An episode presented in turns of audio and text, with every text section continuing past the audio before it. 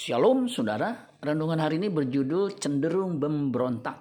Yakobus 4 ayat 5. Janganlah kamu menyangka bahwa kitab suci tanpa alasan berkata, roh yang ditempatkan Allah di dalam diri kita diingininya dengan cemburu.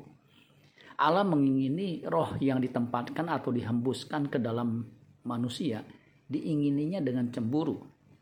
Kata cemburu menunjukkan keberhakan Allah berhak atas hidup manusia karena roh manusia berasal dari dia. Manusia cenderung memberontak karena dosa.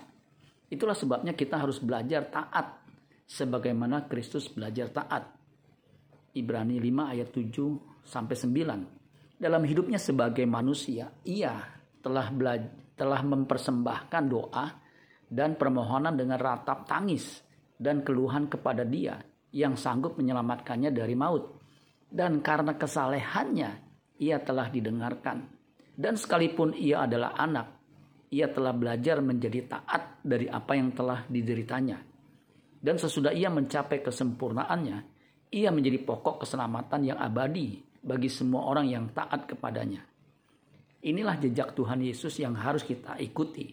1 Petrus 2 ayat 21 dan 22. Sebab untuk itulah kamu dipanggil karena Kristus pun telah menderita untuk kamu dan telah meninggalkan teladan bagimu supaya kamu mengikuti jejaknya.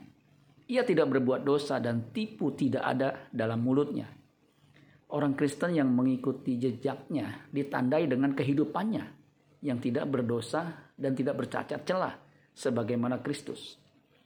Yohanes 8 ayat 46. Siapakah di antara kamu, di antaramu yang membuktikan bahwa aku berbuat dosa?